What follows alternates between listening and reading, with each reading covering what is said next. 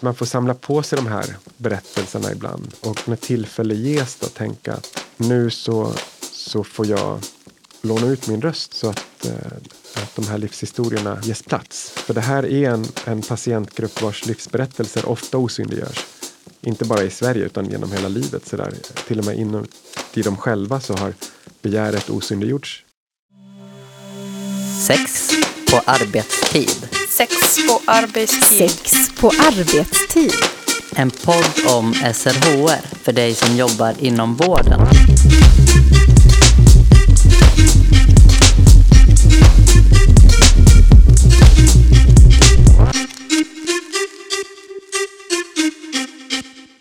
Att vara hbtq-migrant innebär ofta flera lager av utsatthet.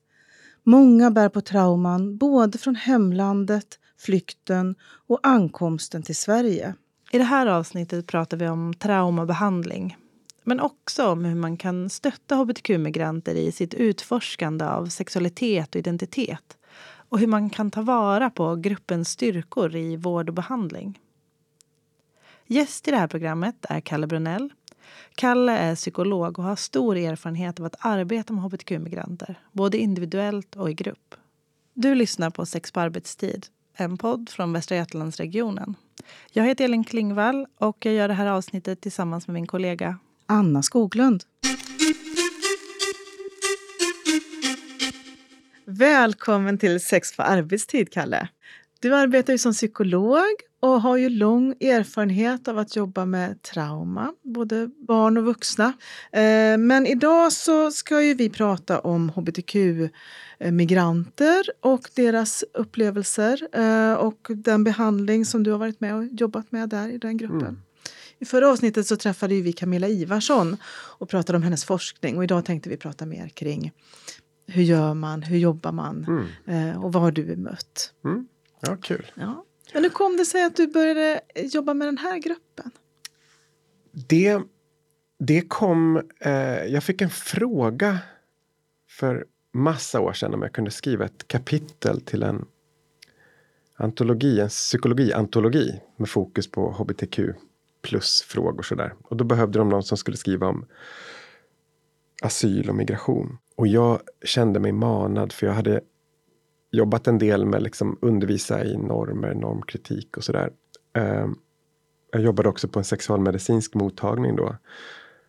Och sen hade jag under många år både jobbat med migrantgrupper och liksom i min profession som psykolog men också som aktivist sådär att, eh, i olika sammanhang. Så då tänkte jag, det där blir väl toppen. Jag kan ju migration, jag tycker jag har lite koll på hbtq. Det blir bra. Um, och så skrev jag det där eh, kapitlet och märkte snart att jävla vad lite jag kunde om det här. Vilken tur att jag fick all den här tiden och läsa in mig på forskning och sitta och tänka till för eh, holy shit, det här visste jag ingenting om. De väldigt speciella livsomständigheterna som, som den här patientgruppen lever under. Sådär. Och det där gjorde jag under en föräldraledighet och sen när jag kom tillbaka till jobbet då hade jag arbetat upp en sån pepp inför att liksom träffa verkliga patienter. Det låter ju också som en grupp som kanske hälso och sjukvården annars har svårt att nå ut till. Mm, och det blev väldigt eh, uppenbart då, så att jag hade en teori då kring det där att det här är det här är en patientgrupp som tillhör de här, vad heter det, underserved. Sådär, att man inte når ut och att de inte heller når in. Sådär. Så jag tog kontakt med organisationer i Stockholm på den tiden så var det framförallt RFSL som hade de här newcomers-programmen och sådär. Um, och tog kontakt med en del asyljurister och undrade ifall det var så att ja, jag frågade helt enkelt vart är de här patienterna? De borde finnas här för att jag vet att uh, det finns ett stort lidande, men de kommer inte till vården. Så jag ville bara flagga för att jag kan ta emot. Och ganska snart så dök det upp en, två, tre patienter dit skickade av liksom de här organisationerna. Och framförallt en av de patienterna, som, hon var inte min patient särskilt länge, utan istället så krokade vi lite arm och hon drog med mig på lite liksom, möten och träffar och sådär. Var ute och presenterade mig i syfte att montera ner de här barriärerna gentemot vården då, som många beskrev att de hade. Eh, sådär. Så att vi hade liksom spelade upp små rollspel, så här är det att gå till psykologen på någon sån här liten hemmasnickrad scen så där mitt i en, en fika. Avmystifiera behandlingsrummet helt enkelt. Och, och ganska snart efter det så, så började det trilla in patienter, så där ryktet gick. Och sen så blev det min huvudsakliga patientgrupp under en del år. Så där. Och eh, från att ha enbart haft eh, vad ska man säga, individuella psykoterapier så började jag jobba med lite mer gruppformat. Då. Dels så blev jag inbjuden av en fantastisk eh, grupp. Det var transidentifierade migranter från Mellanöstern som hade en välfungerande grupp inom, som drevs i RFSLs eh, lokaler. Så att dit blev jag medbjuden då som någon typ av expert och kunde prata liksom, transvård eller identitetsfrågor. Ganska mycket var liksom andningsarbete, så där, hur man hittar tillbaka till ett lugn i sig själv i en ganska stormig omvärld och sådär. Du har ju också lyssnat på Camillas avsnitt. Mm.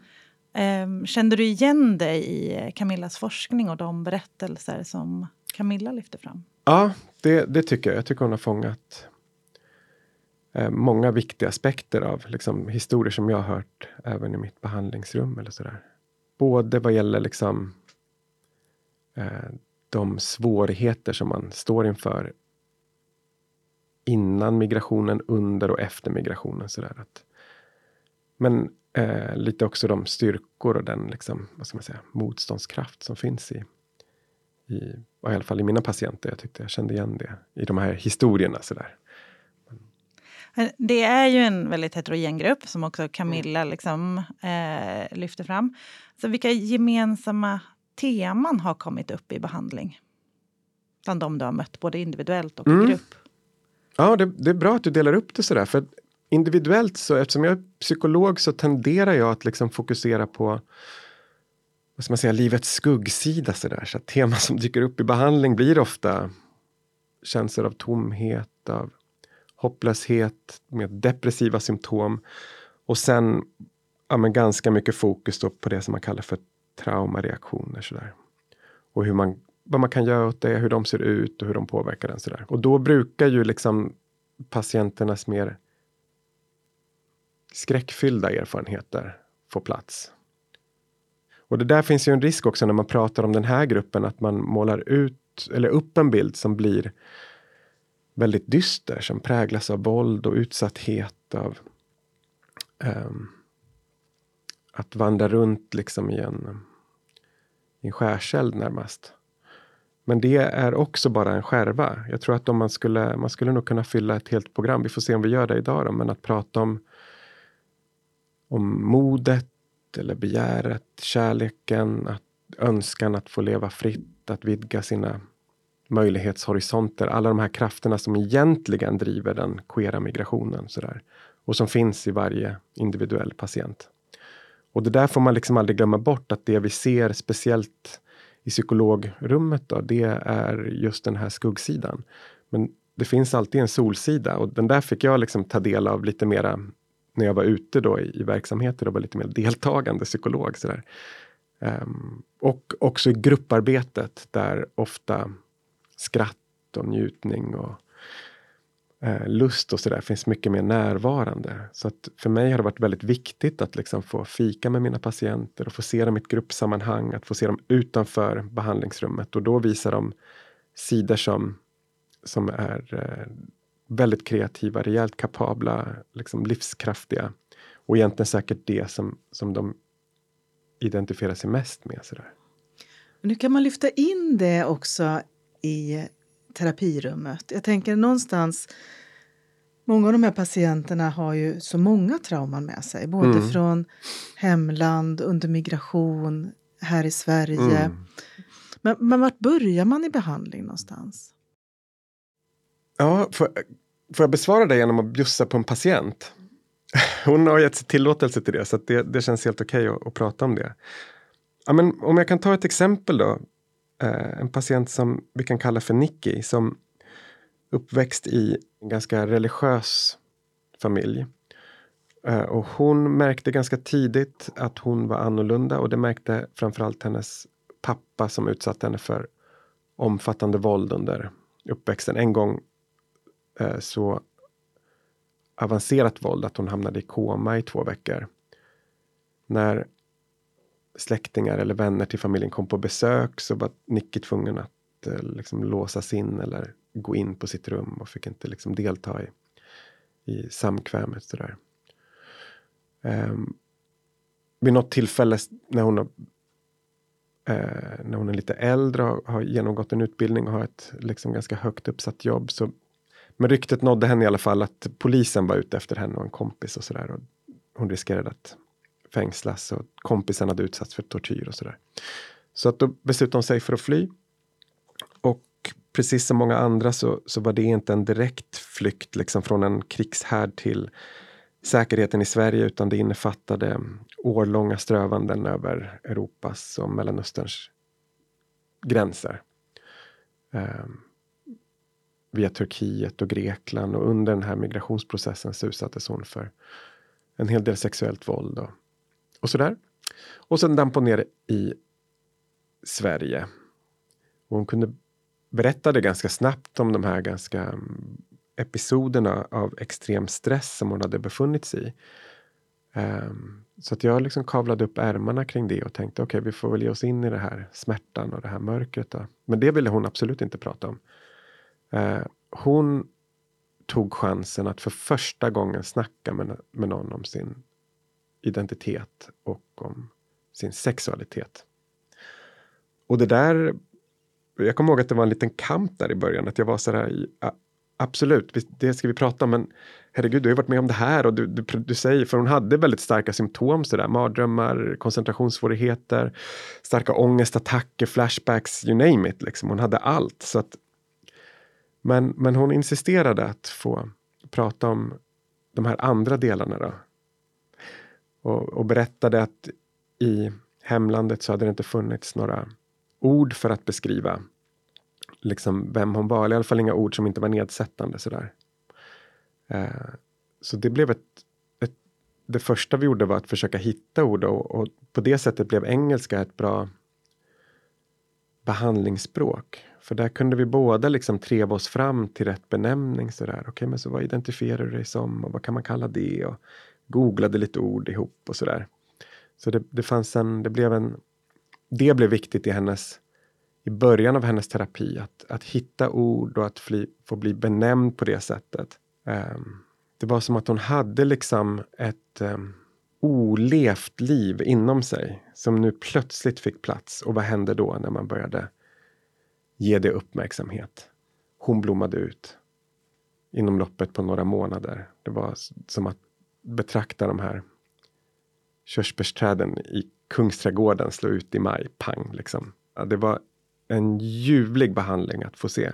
Så hon gick från homosexuell man till transidentifierad kvinna inom loppet på några månader. Sådär.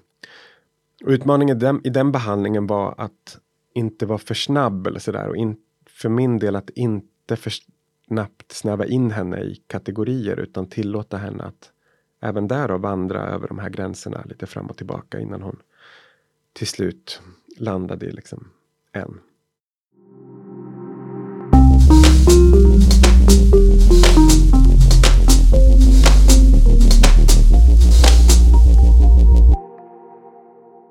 Du har ju arbetat med mycket migranter i behandling och olika migrantgrupper. Skulle du säga att den här gruppen skiljer sig från andra migrantgrupper? Ja, dels så kan man misstänka, det stämmer inte för alla såklart, men man kan misstänka att det våld man utsatts för har varit av större personlig, det har varit en större personlig våld. Och att man ofta har utsatts i de sammanhang där man ska känna trygghet. Och det där skiljer sig lite från om man har varit i en liksom ett krigsområde. När en annan makt utövar våld mot en själv men också hela samhället eller så. De här patienterna beskriver ofta att de har varit utsatta för våld i ja, det man kallar nära relation, men det innefattar också på arbetsplatsen, i det religiösa samfundet eller i idrottslaget eller sådär. Och som en konsekvens av det våldet har man också puttats ut från eh, familjen, från släkten. Eh, och det gör att man i de ofta de ehm, liksom, länderna som man har varit i, då, då erbjuds man inget så formellt stöd. Vården tar inte hand om en, det juridiska systemet tar inte hand om en. Men man får inte heller det här känslomässiga stödet som en familj eller en släkt kan erbjuda. Och man kastas därför ut på en ganska stormigt, känslomässigt stormigt hav, ensam liksom. Uh, och många beskriver också att det är den här isoleringen, ensamheten som är det svåraste. Sådär, att uh, sitta själv med sina reaktioner, att sitta själv med sina historier utan att kunna dela det med någon. Det gör också att man måste jobba mycket mer med att etablera en tillit till vården i stort. Och egentligen så finns det också en, många be, bär på reella erfarenheter av att bli inte bara osedd inom vården utan faktiskt uh, vad ska jag säga, utsatt av vårdpersonal.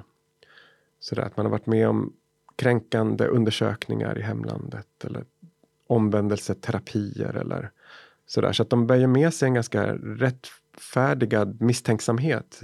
Um, därtill så är det precis som många andra migrantgrupper så finns det en stark stigmatisering kring psykisk ohälsa som gör att man är lite skeptisk sådär till att gå till en psykolog till exempel. Men möjligtvis vårdapparaten i stort. Då. Hjälp har ofta kommit från personliga, enskilda personliga kontakter. Så att man råkade springa på någon som var snäll och hjälpte en. Sådär. Eh, och de erfarenheterna är väldigt viktiga, men jag tror att det ligger i vår uppgift som vårdpersonal i Sverige att visa att du får vård inte på grund av att jag är snäll, utan för att det är din rättighet. Och det där kräver att man bygger upp en tillit till enskilda behandlare, att man är medveten om att de, det är en patientgrupp som har goda skäl att vara lite misstänksamma mot dig. Sådär. Så det där måste man jobba lite på, vara lite eh, extra tydlig i vårdmötet. Man visar hur saker ska gå till lite tydligare. Så bygger vi tillit och lyssnar kanske lite extra länge. Och, och så. Men det finns också en stark poäng att kopp, att vara med som en brygga över till andra delar av vården. så där. Att eh, följa med eller i alla fall överbrygga. För då kan man också visa att liksom, världen är inte eh, emot dig. Eller är inte i sin helhet ond. En föreställning som många kan bära med sig. Det liksom hjälper patienterna att återknyta till en rättfärdig, god värld som man kan faktiskt fungera i. Sådär. Så det tänker jag är liksom en, en viktig eh, vart man börjar. Man måste börja med att bygga allians och tillit oavsett om det är som psykolog eller om det är liksom som ja, sjuksyrra-läkare i de här korta mötena. Att jobba lite mer på det. Har du några liksom förslag? För jag tänker att du har långa behandlingar. Ja. Eh, man träffar dig under längre tid, har längre tid att bygga upp Mm. den här tilliten.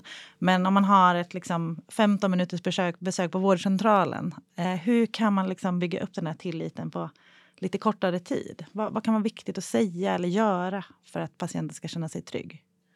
Ja, men, men då tror jag, och det kanske är, då är det mer utifrån att jobba traumamedvetet. Då, då tycker jag ändå att, man, att det kan vara bra att säga exakt hur saker kommer gå till.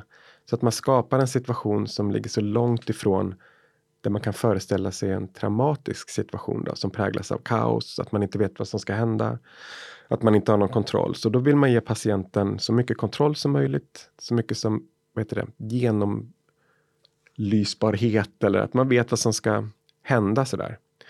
Men det gäller ju all, all um, vårdkontakt med folk som är lite traumatiserade sådär.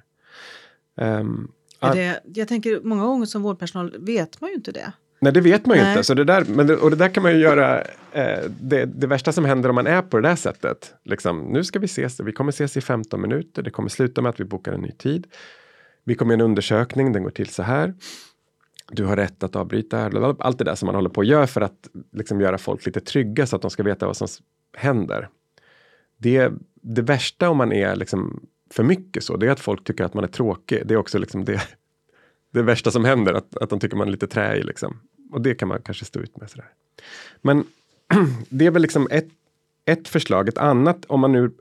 Det är väldigt sällan man vet att man har att göra med eh, liksom folks sexualitet eller liksom identitet på det sättet. Men råkar man veta det, då tycker jag att det finns en poäng att, eh, att, eh, att faktiskt förtydliga sig själv som allierad i det där. Det tror jag är symboliskt viktigt att folk eh, kan känna, för det tror jag inte folk, eller mina patienter tar för givet. Liksom. Så Hur menar du då? Kan du beskriva? Nej, där tror jag att de här liksom symbolgrejerna, att man har en, en flagga på anslagstavlan eller man använder ord som sådär som, som visar att man har lite koll. Sådär. Um, och varför är det viktigt? Jo, i den här gruppen så är, tycker jag också att det är många suttit själva och man har suttit själva med tankar om sig själv som är jag normal? Det är liksom den första frågan de ställer. För, ja, det, det, det kan man egentligen prata länge om, men att man, det finns ju en ganska stark internaliserad homofobi och en, en stark internaliserad bild av sig själv som monstruös eller väldigt, väldigt annorlunda eller sådär. Någon som är värd att kicka ut. Sådär. Eh, och som ju inte stämmer. Men det där kan man behöva liksom normalisera liksom begär, normalisera identitetsfrågor, normalisera traumareaktioner, psykiskt mående. Det är en riktigt bra alliansskapande grej. Sådär. Är, är jag normal, doktor? Ja, det är du. Det där är supernormalt. Vi börjar där. Liksom. Och, och, så därför tänker jag att de här, liksom, får man chansen att säga det, dunder. Men ibland så kan man bara signalera det med, med andra saker. Så där. Nu liksom är vi snabbt inne på trauman och, och det finns ju mycket trauman, mm. mycket stress i den här gruppen och det är också kanske därför som man behöver ha extra insatser. Eh, men hur kan man få in skyddsfaktorer, hopp, lust och glädje mm. i liksom behandlingen? Ja, ja men jag tänker att när man tittar på saker som skyddsfaktorer. Det kan vara bra att komma ihåg att vi människor har en enorm kapacitet att integrera väldigt, väldigt horribla erfarenheter i vår personlighet. Så bara för att man har varit med om massor med saker betyder det inte att man liksom eh, är permanent skadad eller behöver behandling. Sådär. Och det där är viktigt att komma ihåg. Sådär. Bara för att man har varit med om någonting så betyder det inte att man behöver behandling för det. Utan man måste ha de här reaktionerna som handikappar en. Eh, och det där är ju någonting, det, det, tycker jag ändå, liksom det som ger mig, som jag blir väldigt rörd av i mina terapier, det är just den här förmågan att integrera svåra händelser i sig själva, förmågan att liksom uppvisa en motståndskraft mot tidigare traumatisering och pågående traumatisering eller osäkerhet och sådär. Det, det gör ju att jag brukar få, eh, ska jag säga, min, min, bild av människans kapacitet har vuxit i mötet med de här patienterna. Um, vad man står ut med. Och det där kan man dela upp lite i liksom saker som individerna bär med sig då, eller patienterna bär med sig. Och som inte har någonting, som kanske de inte kan påverka då. Vi vet att liksom anknytningsmönster eller temperament, intelligensnivå, vad kan det heta, likability typ, att förmågan att folk ska gilla en. Allt det där är jätteviktiga individuella faktorer för att folk ska kunna stå ut med svårigheter. Sådär. Att kunna hitta allierade snabbt, förmågan att liksom skapa ett nytt socialt sammanhang. Och det där är ju någonting som många bär med sig. Man går tillbaka till den här patienten som jag nämnde här i början, Nicky. Hon, hon damp ner i Sverige. Inom en vecka så hade hon etablerat sig själv som en ganska framträdande hbtq-aktivist inom liksom, newcomers i Stockholm. Hon började plugga svenska, hon kunde engelska flytande. Och alla de här strategierna eller copingstrategierna hon hade varit tvungen att utveckla i hemlandet. Eh, identifiera och knyta an till allierade. Att hitta en ny chosen family, eller så här, att välja en ny familj och skapa starka vänskapsbrand Att det här med språk är viktigt. Det där gjorde henne till någon typ av, jag, vi skämtade om det i någon behandling sådär, även om du inte får uppehållstillstånd nu så hoppas jag att Migrationsverket kommer bjuda in dig som integrationsexpert här nu. Liksom. För det, det är lite ovanligt om jag tänker på andra migrantgrupper då, där kan det ta mycket längre tid att, att skaffa de här kontakterna in i svenska sammanhang. Här har vi en patientgrupp som är riktigt bra på det. Att hitta queera sammanhang och det är den här lusten och längtan, det som driver migrationen framåt för den patientgruppen. Det gör också att de hamnar ofta i sammanhang som är väldigt bra för dem. Integrativt liksom. Så de här sammanhangen det blir en del i att komma in i övriga samhället? Mm. Och det där vill man också stärka lite. Sen när man, när man pratar om motståndskraft eller resiliens eller sådär, då är det saker som eh, många beskriver att, att hitta en partner eller en, en eh, ny social familj har varit jätte, jätteviktigt. Att hitta sociala sammanhang och, och där vill jag inte, där, måste, där krävs det att lyfta fram liksom det hårda arbetet som görs på aktivistnivå inom RFSL eller Rainbow Refugees eller vilka organisationer den är. De är otroligt viktiga. Um, jag tror också att um, många beskriver att den religiösa tron ibland kan hjälpa dem att liksom stå ut med saker. Att så här, många patienter som beskriver att eh, ja, men det här var ändå menat för mig eller jag har lärt mig massor genom eller Gud har gett mig de här svårigheterna så att jag ska överkomma dem. Så det är ytterligare en sån motståndsfaktor. Jag tror ju väldigt mycket och vi kommer kanske prata om det med, med att hitta Eh, sammanhang av jämlika, att hitta de här peer-grupperna verkar vara väldigt, väldigt avgörande. Det ger en, ett, en arena där man inte bara kan se att det våld jag utsatts för, det förtryck jag utsatts för, har en... Det är inte personligt, det har en politisk nivå och det brukar vara avgörande för många. Men där man också hittar en arena där man får dela de strategier som livet lärt en, där man får hjälpa andra, man får peppa andra, där man får eh, liksom känna den här känslan av sammanhang och ett vi och sådär som ofta saknas, i alla fall under migrationen eller så. Um, så de här faktorerna som handlar om anknytningsmönster eller intelligensnivå, det kan vi inte göra så mycket åt. Men däremot så kan vi som samhälle och enskilda behandlare se till att maximera de här andra grejerna. Då. Hur hittar du till rätt sammanhang? Um, vart behöver jag guida dig? Sådär. Så, och där tycker jag, det är kanske är ett medskick då till mina kollegor inom vården, att ibland kliva ur den vanliga rollen som psykolog eller sjuksyrra eller läkare eller vad man nu än är sådär. Och tänka på sig själv som lite mer socialarbetare. Att, att faktiskt, och att det inte är jättestor ansträngning att kolla upp vad, vilken tid är det möten då? Vart är den adressen? Och, och, kan jag rekommendera min patient att faktiskt gå dit? Det där kommer bli bra för dig. Liksom. Det är samma sak när det gäller migrationsprocess. Då, att, att faktiskt läsa på lite och guida patienterna i det där. Att, jag vet att, att jag, det ingår inte i min roll som psykolog, men att, att jag ändå ibland ville förbereda man, mina patienter på migrationsintervjun eller asylintervjun. Inte för att jag var bäst på det, utan för att det fanns ingen annan som gjorde det.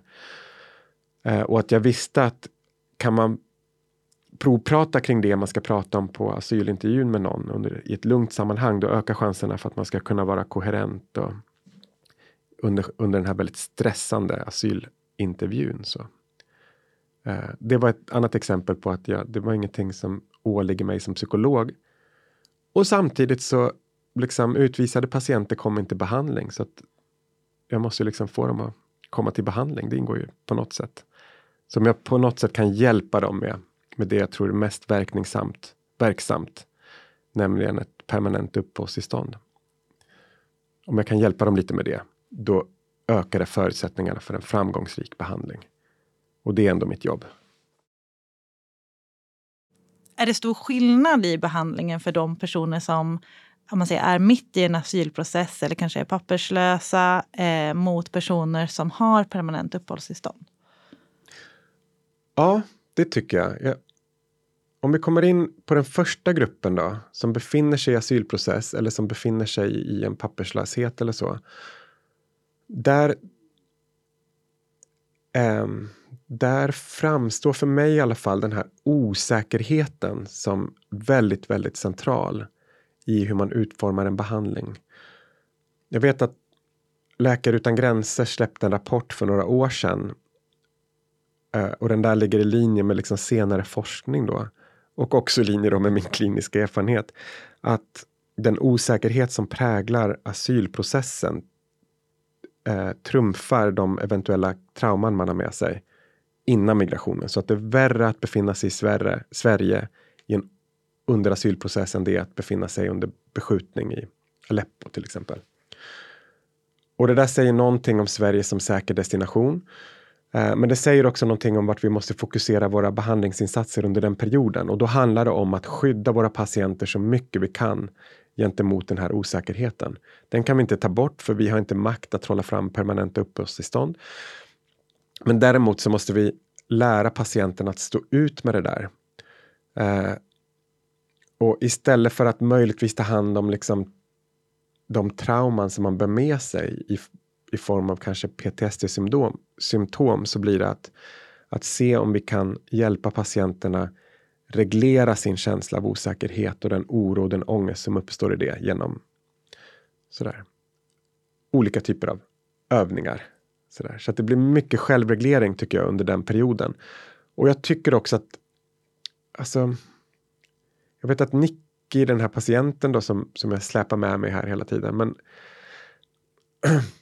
hon beskrev det där att asylsökande tid är eh, livlös, tror jag hon sa alla drömmar sätts på paus. Det en, de enda drömmar jag får kvar, sa hon, det är mardrömmarna typ. Och de vill jag ändå inte ha sådär. Och livet präglas av eh, vad heter det? Livet blir fastfryst. Tror jag hon sa. Och det var en väldigt fin bild sådär att man fryser fast i ett tillstånd. Jag, jag kan inte tänka, jag kan inte skapa nya drömmar framåt. Och jag orkar inte tänka på det som har varit. Jag är fast i ett nu och det här nuet är djupt tråkigt. Sådär. Det är ofta då sådär konflikter om små detaljer uppstår och man börjar bråka med folk om petitesser sådär. Och så går man runt och väntar och skjuter upp alla drömmar och plötsligt så får man ett sånt besked från Migrationsverket. Och så antingen så känner man att åh, äntligen, alla mina bekymmer är över, nu får jag stanna. Eller så kastas man ner i, i ett djupt mörkt hål. Sådär, jag måste återvända. Och för de som får permanent uppehållstillstånd så brukar den första tiden präglas av en känsla av all, nu är det över. Nu äntligen får livet börja. Men gamla bekymmer hänger sig envetet kvar och nya bekymmer uppstår i, i kontakten med det nya landet. Liksom. Så det där måste man också guida. Jag brukar ofta varna mina patienter att nu, ja, det, det är ju det första man gör. Man, händer något sånt så firar man. Typ. Nu ska du fira med mig, du ska fira med dig själv, du ska fira med folk och vara en källa till hopp till dina kompisar. Uh, inte så, och och tillåt dig själv att glädjas åt det här att du slipper återvända till horribla omständigheter. Um, men sen så brukar jag säga, men vi kommer ändå fortsätta ha kontakt här. För att jag vet att även ett permanent uppehållstillstånd brukar leda till en försämring i patientens mående. För att plötsligt kommer man i kontakt med den här sorgen man har skjutit upp och de här förlusterna man har gjort och som man inte har kunnat vara i kontakt med. Det kommer över en, jag tror att det heter put blues typ eller något sånt. Ehm. Och det där är viktigt att informera om och förutsäga lite så att patienten är med på det. Men också att finnas kvar ibland som, som behandlare eller som en möjlighet att liksom söka stöd igen om det är så att måendet försämras. Så. Det finns en hel del nästan att likna vissa överlevnadsskuld eller överlevna, överlevares skuld sådär att som många brukar beskriva. Varför just jag och när mina kamrater måste skickas hem och sådär. Men så det är lite olika. Det, när man väl tar sig ur den här osäkerheten, då kan man ju faktiskt börja ett allvarligt arbete kring att eh, liksom läka eventuellt tidigare trauman. Då. Men, och där finns det ju väldigt det finns väldigt eh, hoppingivande forskning på det där när man har tittat på just den här gruppen som har fått uppehållstillstånd. Hur skiljer sig den gruppen efter tio år i Sverige jämfört med om vi nu kollar på hbtq migranter, hur mår de efter tio år i Sverige jämfört med eh, hbtq-individer i stort eller så? Och där skiljer det sig nästan ingenting. Varken vad, vad gäller sexuell ohälsa eller psykisk ohälsa. Sådär. Så att de verkar må väldigt bra och det säger någonting om att det är en, de är väldigt duktiga på att liksom etablera sig i det nya landet och, och att få eh, hitta sammanhang och få leva det liv man faktiskt har längtat efter. Så, så det är väldigt positivt. Jag tänker att jag vill stanna till lite grann där och prata också om så sexualitet. Du inledde ja. lite kring det, men också så hitta sin identitet och yeah. sexualitet. Jag tänker att många eh, migranter kommer ju från länder där vissa sexuella praktiker, samkönade mm. praktiker, är eh, kriminaliserade på olika ja. sätt. Um, och du pratade lite om så, ja, men hur man kan också känna en så internaliserad homofobi, transfobi. Eh, så här, hur, hur, jobbar, hur har du jobbat med att så här, hitta det, så här, det lustfyllda i sexualiteten? Mm. Med de här patienterna så blir det väldigt uppenbart att visst, den sexuella praktiken och identiteten och sådär, den kan ha fått sina smällar och har ju ofta fått ganska allvarliga smällar. Men det är också den som har drivit dem någon annanstans. Man har haft en längtan över att få leva ett annat liv, typ. Och man kan prata om den homobi transfobi som finns i Sverige. Och den är viktig att prata om, men Sverige är ändå ett land som folk tenderar att fly till snarare än från. Och det betyder att många också uppfattar att shit, när det gäller det här med sex, äntligen!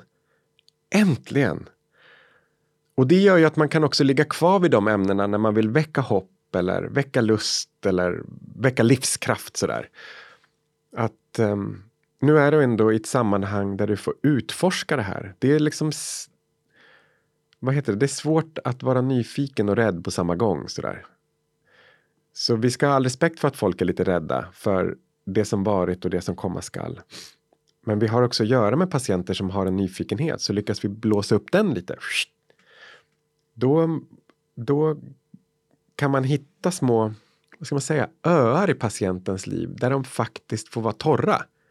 Det låter lite konstigt, men om man tänker att de är nedsänkta i liksom ah, det är så stressigt, det är liksom mikroaggressioner och det är liksom det gamla sörjiga våldet förföljer en och framtiden är oviss och man liksom går runt i en gegga. Men plötsligt när det gäller sexualiteten, whoops, där har vi en ö där du kan få utforska och vara nyfiken och peppad liksom. Sådär. Så det där tycker jag man kan göra även i i, liksom, i behandlingssituationen. Inte bara guida dem till rätt ställe, liksom, utan i behandlingssituationen prata om det där som är nyfiket. Shit, du har vilken möjlighet du har nu då. Vad är det du vill bli eller vad, vad ser du som varför ville du komma hit? Vad är det som har drivit dig? Hur ser du framför dig en relation? Vad skulle vara bra för dig? Liksom, när du får fantisera loss. Sådär. Och om man inte är i en relation så kan man faktiskt skapa de här trygga, intressanta, peppande rummen inuti individen. Liksom. Sådär att hjälpa till att skapa sådana trygga rum fyllda av begär och nyfikenhet. Det, det, det kan man, och det är väldigt roligt jobb. sådär. Och jag tror egentligen att en, en bra kontakt måste ha ingredienser av båda. sådär. Men i det här fallet så är ju liksom sexualiteten har ju varit drivande ofta. Eller könsidentiteten drivande hit. Det är ju det som är själva kraften och den kan man ju verkligen släppa lös sådär.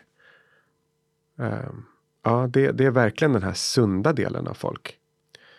Och som också är jävligt rolig att få följa med sådär nyfiket apropå min patient då, som jag pratade om förut. Bara, ja, vart vill du hamna någonstans? Vad är, vart, vart trivs du bäst? Och, sådär. och det är ofta frågor de kanske inte har ställt sig riktigt eller fått tillåtelse att utforska det på ett, på ett bra sätt. Så det, det, det är otroligt roligt. Och igen i gruppsammanhang är det där värsta kraften liksom. Få snacka om dating eller få snacka om sex, delvis samtycke och sådana teman som vi hade med i våra peer-to-peer stödda interventioner. Så där.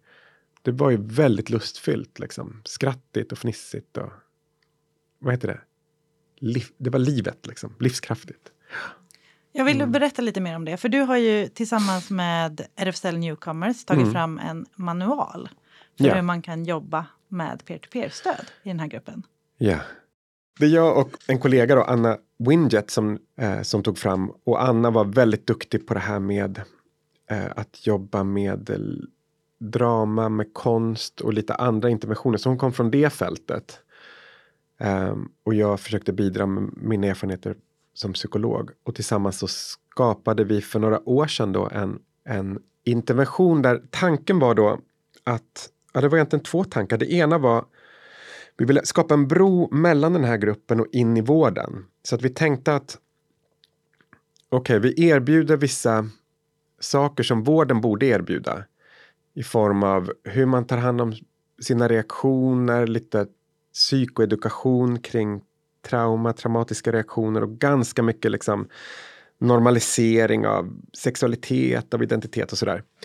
Ehm, från den svenska vården, synen på trans eller sådär. Det här tänkte vi är bra att vi får in i gruppen. Eh, och från gruppen då så ville vi ut, liksom hitta vi ville ha en väg in i vården där deras erfarenheter och deras strategier kunde berika vården. så där. Det var liksom hela idén med det här projektet. Och vi landade i att vi ville utforma peer-to-peer-grupper. Varför var det just grupper vi ville ha? Jo, det var för att många patienter har svårt med den enskilda psykoterapin och av goda skäl sådär. I många kulturer så den här fokuset på individen är lite främmande utan läkning har ofta varit en gemensam process. Och, det finns också den här överdrivna fokus på individet och dens reaktioner inom den västerländska psykologin tenderar att vad ska man säga, skuldbelägga individen lite. Det är du som har de här problemen. I gruppen så tillåts man att göra helandet gemensamt, att dela strategier. Um, men också att se att det här är inte på grund av mig individuellt. Mina kamrater i gruppen, oavsett om de är från Uganda, Afghanistan eller Libanon, Egypten, de delar samma upplevelser av homo eller transfobiskt våld. Och det här våldet kan vi lyfta upp och se som politiskt snarare än individuellt. Och det tar bort en hel del skuld och skam från patienterna. Så bara att samlas i grupp och säga jag har varit med om det här är läkande i sig. Sådär. Och att sen dela allt från liksom praktiska tips om du borde vända dig till den här enskilda asylombudet till ja men så här har jag tänkt när jag blir väldigt rädd på kvällarna. Det ger gruppen en Ja, det återför makt. Vi ville liksom ta bort det här att vården är experter som ska bota. Och så ville vi hitta mer ett forum där man kunde utveckla strategier eh, inom gruppen. Det var att ge tillbaka makt över sitt mående tyckte vi. Vi gick bort från den här idén om att, att eh, prata diagnostik eller patologi och pratade mycket mer om liksom eh, hälsa eller kraft och att deras berättelser var väldigt viktiga och, och eh, berikande på olika sätt. Var det många som ville delta i grupperna? Ja, jag kommer till och med ihåg det första tillfället. Vi hade liksom informerat att ja, men ikväll så ska vi ha en sån här grupp. Och en av gruppledarna då vi hade utbildat, han envisades med att skapa en jättestor ring in i det här rummet. Och jag envisades med att nej, nej, nej, ta bort stolar. Det blir så jobbigt om det kommer fyra pers och så står det så här 20 stolar i en ring och så känns det misslyckat på alla sätt och vis. Han var övertygad om att vi skulle ha en stor ring och jag var övertygad om att vi skulle ha en liten ring.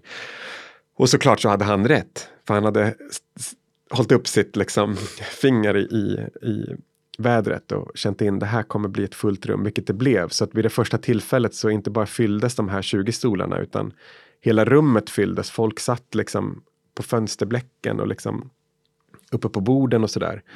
Eh, för att eh, få chansen att vara med i de här grupperna. Och det där höll vi på med under ett år. Då. Och sen vid pandemin eh, så var vi tvungna att ändra lite för då blev det liksom online och sådär.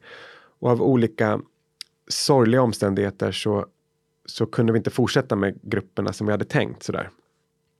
Eh, men lyckades ändå skriva ihop den här manualen då som sen användes av eh, newcomers på andra platser eller sådär. Hur skulle vi inom hälso och sjukvården kunna, kan vi använda manualen? Alltså, eller hur skulle den kunna appliceras inom hälso och sjukvård? Ja, nej men jag tror då, om jag får liksom, vad ska man säga, tänka väldigt fritt. Så tror jag att jag, den här gruppformatet och peer-to-peer passar den här gruppen väldigt väl. Är man sugen på det eller finns det någon möjlighet för en att på någon liten mottagning någonstans i Sverige kroka arm med lokala aktivister och få till sina grupper så eh, de är inte bara kostnadseffektiva utan de är också väldigt liksom effektiva som behandlingsredskap. Sådär. Um, men man kan också tänka att just den här manualen vi skrev som, som jag känner mig väldigt stolt över. Den innehåller framförallt så den är väldigt praktisk. Då. Det finns manus för varje session och sådär. Det där kräver sitt speciella sammanhang. Men den innehåller också eh, ett vackert illustrerat appendix med övningar som är sådana självreglerande övningar. Som vi gav ut som papper då, som folk kunde ta med sig som ett litet kompendium sådär. För att reglera sig vid stark stress, stark oro eller andra starka känsloyttringar sådär. Och de delarna kan man kan jag varmt rekommendera att bara plocka upp. Det, de är skrivna på engelska så man får väl översätta dem i huvudet eller om man har patienter som pratar engelska så kan man både ge dem och instruera. De är skrivna för gruppledare som inte var utbildad vårdpersonal. Så utbildad vårdpersonal har all möjlighet att bara plocka upp det där och göra som, som det står eller så. Det är, det är ingenting mystiskt över dem. Det är hur man lär sig andas med magen, hur man kan reglera sin oro på lite sätt eller avslappningsövningar, meditationstekniker, lite mindfulness sådär. Så att många kommer känna igen dem. Sådär. Det, det de har då är också de här bilderna som är som speglar eh, hbtq-migranter och deras livsbetingelser. Så att har man sådana patienter så passar de ju extra bra, men de passar nog alla. Sådär. Den där manualen har också ett superambitiöst introduktion som handlar om hbtq och migration men framförallt trauma, traumareaktioner. Sådär. Och att jobba med berättande och berättande teknik med eh, migrantgrupper. Men hur har det varit för dig att, att arbeta med de här grupperna? Ja, jag, bara nu när vi pratar om det så jag, jag går igång och det är, jag kan känna liksom det är livet. Jag går igång på den här livsdelen av mig som psykolog. Jag blir passionerad och taggad. Ehm, det är en det är en patientgrupp som är kul att jobba med, inte för att de lever i mörkaste misär, typ, utan för att det finns den här blandningen mellan symptom som behöver behandlas och en livskraft som är smittsam. Och det där är liksom en ynnest att få jobba med den typen av grupper. Det är lite som när man jobbar med traumatiserade barn som också ganska lång erfarenhet av. Det är ju fruktansvärt på många sätt. Men det är också jävligt smittsamt för att genom all den här skiten som, som de har varit med om och sitter med så spirar det där livet liksom. Och det, att få vara i kontakt med det, det ger mig hopp och, och, och glädje och allt sådär. Så att för mig har det varit eh, en ynnest att få jobba med, med gruppen. Men det sagt så, så, tror jag också att det är viktigt att säga någonting att, att jobba med med grupper som lever eh, oskyddade, en oskyddad tillvaro eh, som präglas av instabilitet och pågående våld som det här, den här gruppen gör. Då. Det eh, gör att vi som behandlare ibland kan sjunka ner i missmod och hopplöshet också. Att man kan känna sig vad ska man säga, impotent som, som behandlare. Det kan vara svårt att hitta till de här äh, det där hoppfulla ljuset eller så. Man blir liksom nedsänkt också i så här århundra, vad heter det, århundralånga som säga, kulturella och politiska strukturer som, som på ett högt påtagligt sätt tynger ner en liksom, i, i behandlingsrummet. Och ibland så kan jag känna att man har nästan reducerats till ett vittne som bara... Min enda roll är att betrakta det här långsamma nedbrytandet av en människas eh, karaktär och, eh, och hopp och sådär. Och det är en väldigt, väldigt smärtsam situation att sitta i, att bara bevittna det här. Och om man vill hitta något, liksom, om man vill hitta någon mening med den positionen, att agera vittne som psykolog. Det är väl att, att man får samla på sig de här berättelserna ibland och när tillfälle ges då tänka att nu så så får jag låna ut min röst då. Så att, eh, att de här livshistorierna eh, ges plats. För det här är en, en patientgrupp vars livsberättelser ofta osynliggörs. Inte bara i Sverige utan genom hela livet. Så där. Till och med inuti dem själva så har begäret osynliggjorts ibland eller lusten och så. Um, ja, och, och vars livsberättelser liksom inte tas på allvar eller inte får komma upp till ytan. Så där, så där kan man ju som behandlare fylla en funktion. Så där. Då, då blir jag ju extra glad att få komma hit till exempel och få berätta om till exempel Nickis väldigt ödmjuka önskan. Hon pratar om det våld hon utsattes för, men hon pratar också om det här pågående våldet, att befinna sig i migrationsprocess. Mitt liv är för värdefullt för att handläggas av främlingar, sa hon någon gång. Men det ändrade inte på situationen. Hennes liv handlades av främlingar. Och hon hade väldigt ödmjuka krav på vad hon ville. Hon citerade utan att veta det, för hon var inte själv psykolog, men hon citerade Freud omedvetet då, när hon sa jag har, mina krav på livet är enkelt. Jag vill älska och jag vill arbeta. That's it. Um, och hon pekar också på den, den det ödmjuka önskan som man kan ha. Och att den här ödmjuka önskan kan ta en, från i hennes fall då, från liksom ruiner i hemlandet, från en fruktansvärd familj, genom hemskheter under migrationen och, och eh, stå ut med den här osäkerheten i asylprocessen, i alla beslut som inte gick hennes väg. Och, så utsatthet för liksom våld även i Sverige. Varför gör du det här? För att jag vill älska. För att jag vill arbeta. Men om man känner som behandlare att man är på väg att bli liksom sekundärtraumatiserad Ja. eller blir liksom, liksom känner av den där enorma tyngden Mm. av att höra alla de här traumorna, liksom våldet och liksom utsattheten som människor är i.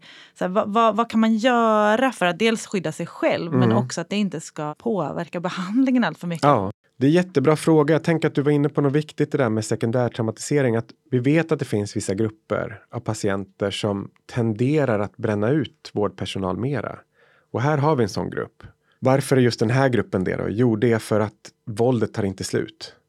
Utan man blir bara ett vittne till det. Och möjligtvis att det här liksom familjevåldet tar slut, men, men det strukturella våldet i form av asylprocess och där kan man prata, jag tror att det är viktigt också att prata om asylprocessen som traumatiserande eller sådär.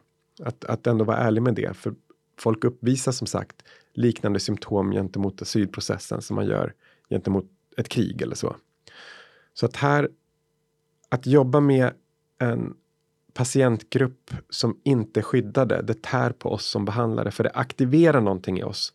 Och det som aktiveras då, det är djupt biologiska instinkter av att man vill skydda någon som lever skyddslöst. Så att det, det, jag tänker att det är en viktig aspekt. Jag skulle nästan kunna gå så långt som att säga att du kommer bli påverkad. Det är liksom priset av att arbeta med den här gruppen. Så se till att hitta en balans mellan den här patientgruppen och lite enklare patientgrupper. Precis som eh, hur viktigt det är för för folk i patientgruppen att hitta kroka arm med folk. På samma sätt är det viktigt för mig som behandlare att kroka arm med andra. Liksom. Så patienterna måste guidas in i andra delar av vården och in i frivilligsektorn där de hittar nya meningsfulla sammanhang och det gör att tilliten till världen ökar för dem och det behöver de. Och för mig som psykolog då så behöver jag känna att det finns andra som också bär. Precis som när det gäller andra grupper då.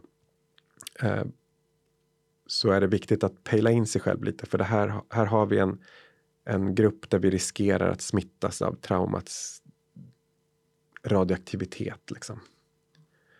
Man ska inte, inte ett jobb man ska göra själv. Helt enkelt. Det är för svårt.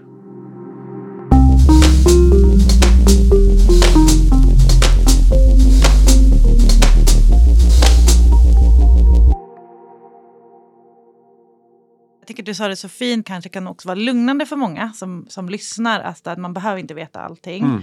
Och att man kan undersöka tillsammans och så här, sitta ner och googla tillsammans. Ja. Som du gjorde med Nicky. Alltså, Ja. nu, nu ska vi se, vi hittar lite ord tillsammans. Ja, Liksom. Ehm, tänker jag. För Ja. det, det, det är mycket man kanske kan känna att man behöver kunna. Man behöver Mm. förstå trauma, man behöver förstå minoritetsstress, migrationsstress. Men Mm. det kanske inte krävs att man kan allt det där. Utan man Nej. kan tillsammans med sin patient också undersöka lite. Och Ja. hitta, hitta en väg liksom, tillsammans. just det. Och här tror jag, liksom om jag skulle ha med något budskap då, då är det det här. Det här är inte en patientgrupp som behöver specialistmottagningar eller specialmottagningar, utan tvärtom så finns det en poäng att koppla de här till den etablerade vården. Det är liksom läkande i sig att känna, ah, det finns ett vad heter det, socialt skyddsnät här. Det är inte en enskild person som har räddat mig, utan det är i egenskap att jag är människa så får jag vissa grejer. Och det betyder också att jag, det finns en jättepoäng att liksom att eh, det här är vård som ändå ges på primärvårds primärvårdsnivå eller liksom att man, att man inte tänker oh, en hbtq-migrant, vänta nu måste jag ringa någon hbtq-migrant sjuksyrra. Nej, det är liksom det finns en jättestark poäng att det, man behandlar patienterna som vanligt på ett sätt. Tycker jag. Är det något speciellt man behöver tänka på när man arbetar med tolk? Ja. Jag tänker på egentligen två olika tolktillfällen. Får jag berätta om dem först? Och sen så kan jag säga någonting möjligtvis lite smart generellt om arbeta med tolk. För det, är, det, det råkar vara också några av mina starkaste behandlingsminnen. Sådär. Det ena var i en behandling av en ganska ung transidentifierad kurdisk kvinna. Hon var liksom 20, 22 kanske. Och det var en ganska kort behandling. Vi, vi sågs eh, fyra gånger tror jag. Och ehm, eh, det var en behandling som hon pratade bara sorani. Så att vi hade en sorani-tolk. Eh, och den här tolken var en här, ja, men väldigt tjusig man. Han, han var kanske närmare 60 men hade så här, tredelad kostym. Och sådär. Och att jag, jag brukade göra så ibland med, med mina patienter att jag, jag provade en tolk och sen så hade jag liksom några minuter efter att tolken hade gått så ville jag bara kolla av, kändes det alright? Och så här, bara någonting som jag kan hälsa tolken till nästa gång. Ofta hittade jag bra tolkar då, då la jag väldigt mycket energi på att eh, etablera god relation med dem och att se till att samma tolk kom tillbaka. Och jag minns faktiskt inte innehållet i den här terapin. Eh, utan vi, vi pratade, vi kom väl in på lite frågor som hade med könsidentitet att göra och, och hennes liksom erfarenheter eller hennes identitet som trans eller sådär. Och vi pratade en, en del skydd också för det, det fanns en, en skyddsaspekt då. Och hon hade då blivit utkastad från från sin familj. Det fanns en liksom eh, he, hon var uppvuxen i en hederskontext och där lirade det inte med hennes liksom könsidentitet så att det fanns kanske något hot gentemot henne och sådär. Hon hade blivit hotad och slagen i, i sin ursprungsfamilj. Och så hade de flytt. Hur som helst så vi pratade om det där i några tillfällen och, och som sagt, jag minns inte riktigt. Men jag minns den här tolken väldigt väl. Jag minns hans lugna stämma när han översatte liksom de saker jag sa. Och jag minns att min patient gick från att titta väldigt mycket på mig till att växla över och börja titta mer och mer på, på tolken under, under behandlingen. Och de fick en fin kontakt liksom. Och vid slutet av behandlingen så tror jag att jag frågar vad, ja men nu närmar vi oss slutet, vad har varit mest värdefullt här? Och då vände hon sig direkt mot tolken. Hon sket, jag var liksom inte viktig längre. Så hon vände sig direkt mot tolken och så sa hon att det var just du som jag fick prata med. Du använde rätt ord för vem jag är på mitt hemspråk. Det var det viktigaste. Sådär. Uh, och han i sin liksom, lugna, visa, liksom, tredelade kostym nickade lite och sa Det är fint min dotter, det är fint. Alltså man kan ju inte nog poängtera hur viktigt det är med tolk. Ja. Eh, för att också få möjlighet att få sätta Mm. ord på det som känns. Ja, verkligen. Så att jag har väldigt goda erfarenheter av tolkar. Det, det är ju en, inom vården så det finns ju ibland en tendens att klaga lite på tolkar. Vet jag. Um, det är en, en grupp som har lite svårt, man jobbar väldigt ensamt, man har inget eget kontor, man har ganska lite handledning eller vidareutbildning och man har inte det här kollegiala sådär. Så att dels så ska man ju det, det kräver ju att man är lite extra vänlig tycker jag mot en ganska en, en grupp som till skillnad från mig då ha- har det lite tuffare rent arbetsmiljömässigt eller sådär. De ska också göra ett svårt jobb, sitta i samtal apropå att vara vittne till någonting och man får inte lägga till och dra ifrån utan man blir bara det där vittnet och det är en svår roll att ha sådär. Um, jag tror också att det finns en tendens ibland att lägga behandlares misstag på någon annan. Det är lite skönare att bara, det var nog tolken tolkade inte så bra tror jag. Det var därför det inte blev något resultat i terapin eller sådär. Det där måste man ju ha koll på för det är ju skittaskigt att göra så. Eh, men ibland så finns det situationer där samtalet är så pass känsligt att man kan behöva överväga eh, att ha tolk på telefon eller att göra samtal som är lite mer anonyma eller till och med använda tredje språk trots att det är liksom lite fattigare sådär. Att man går in och snackar engelska trots att ingen kan det lika bra. Eller, eller att man har någon typ av behandling via liksom, Google Translate eller så. Men, men lyckas man få till bra tolkar då ska man behandla dem med djupaste vördnad och respekt och man ska skämma bort dem som bara tusan. Och så ska man veta att det här är en tillgång i terapin och man kan använda tolken som en tillgång, inte bara språkligt utan som ytterligare en person som är deltagande här och som ser patienterna så som den här eh, kurdiska tolken såg min, min, eh, min patient. Då, då kan det verkligen slå gnistor tror jag.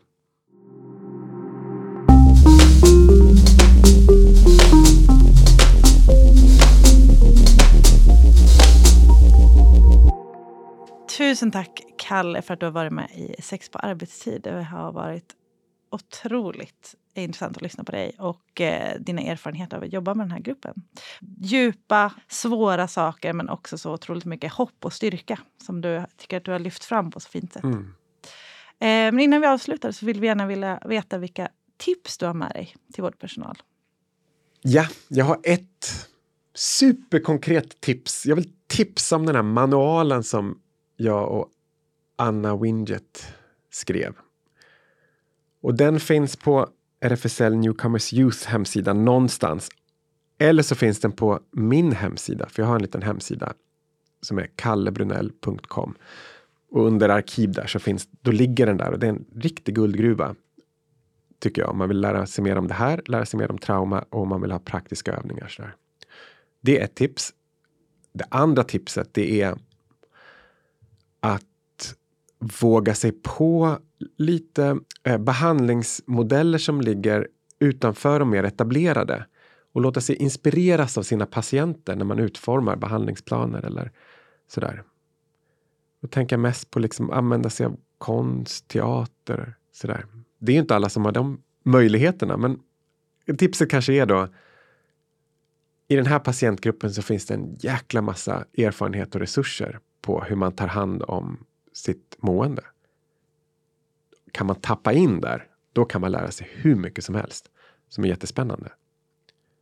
Eh, och det tredje tipset är då att se till att guida den här patientgruppen till vårdkontakter, andra vårdkontakter och till frivilligsektorn på ett mycket mer påtagligt sätt än vad vi gör med andra andra patienter som inte behöver den guidningen. Men här är en patientgrupp som jag tror man kan med eh, vän hand guida till, till um, kollegor och så vidare. Det tycker jag man kan göra. Tre tips. Tusen tack. Ja, tack för att jag fick komma. Tack, Kalle.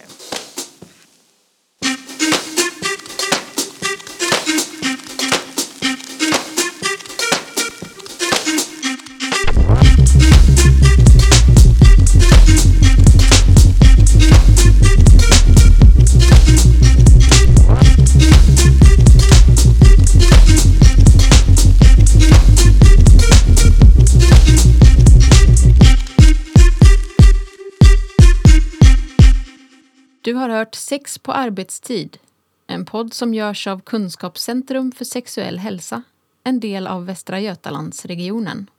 Producent var Elin Klingvall.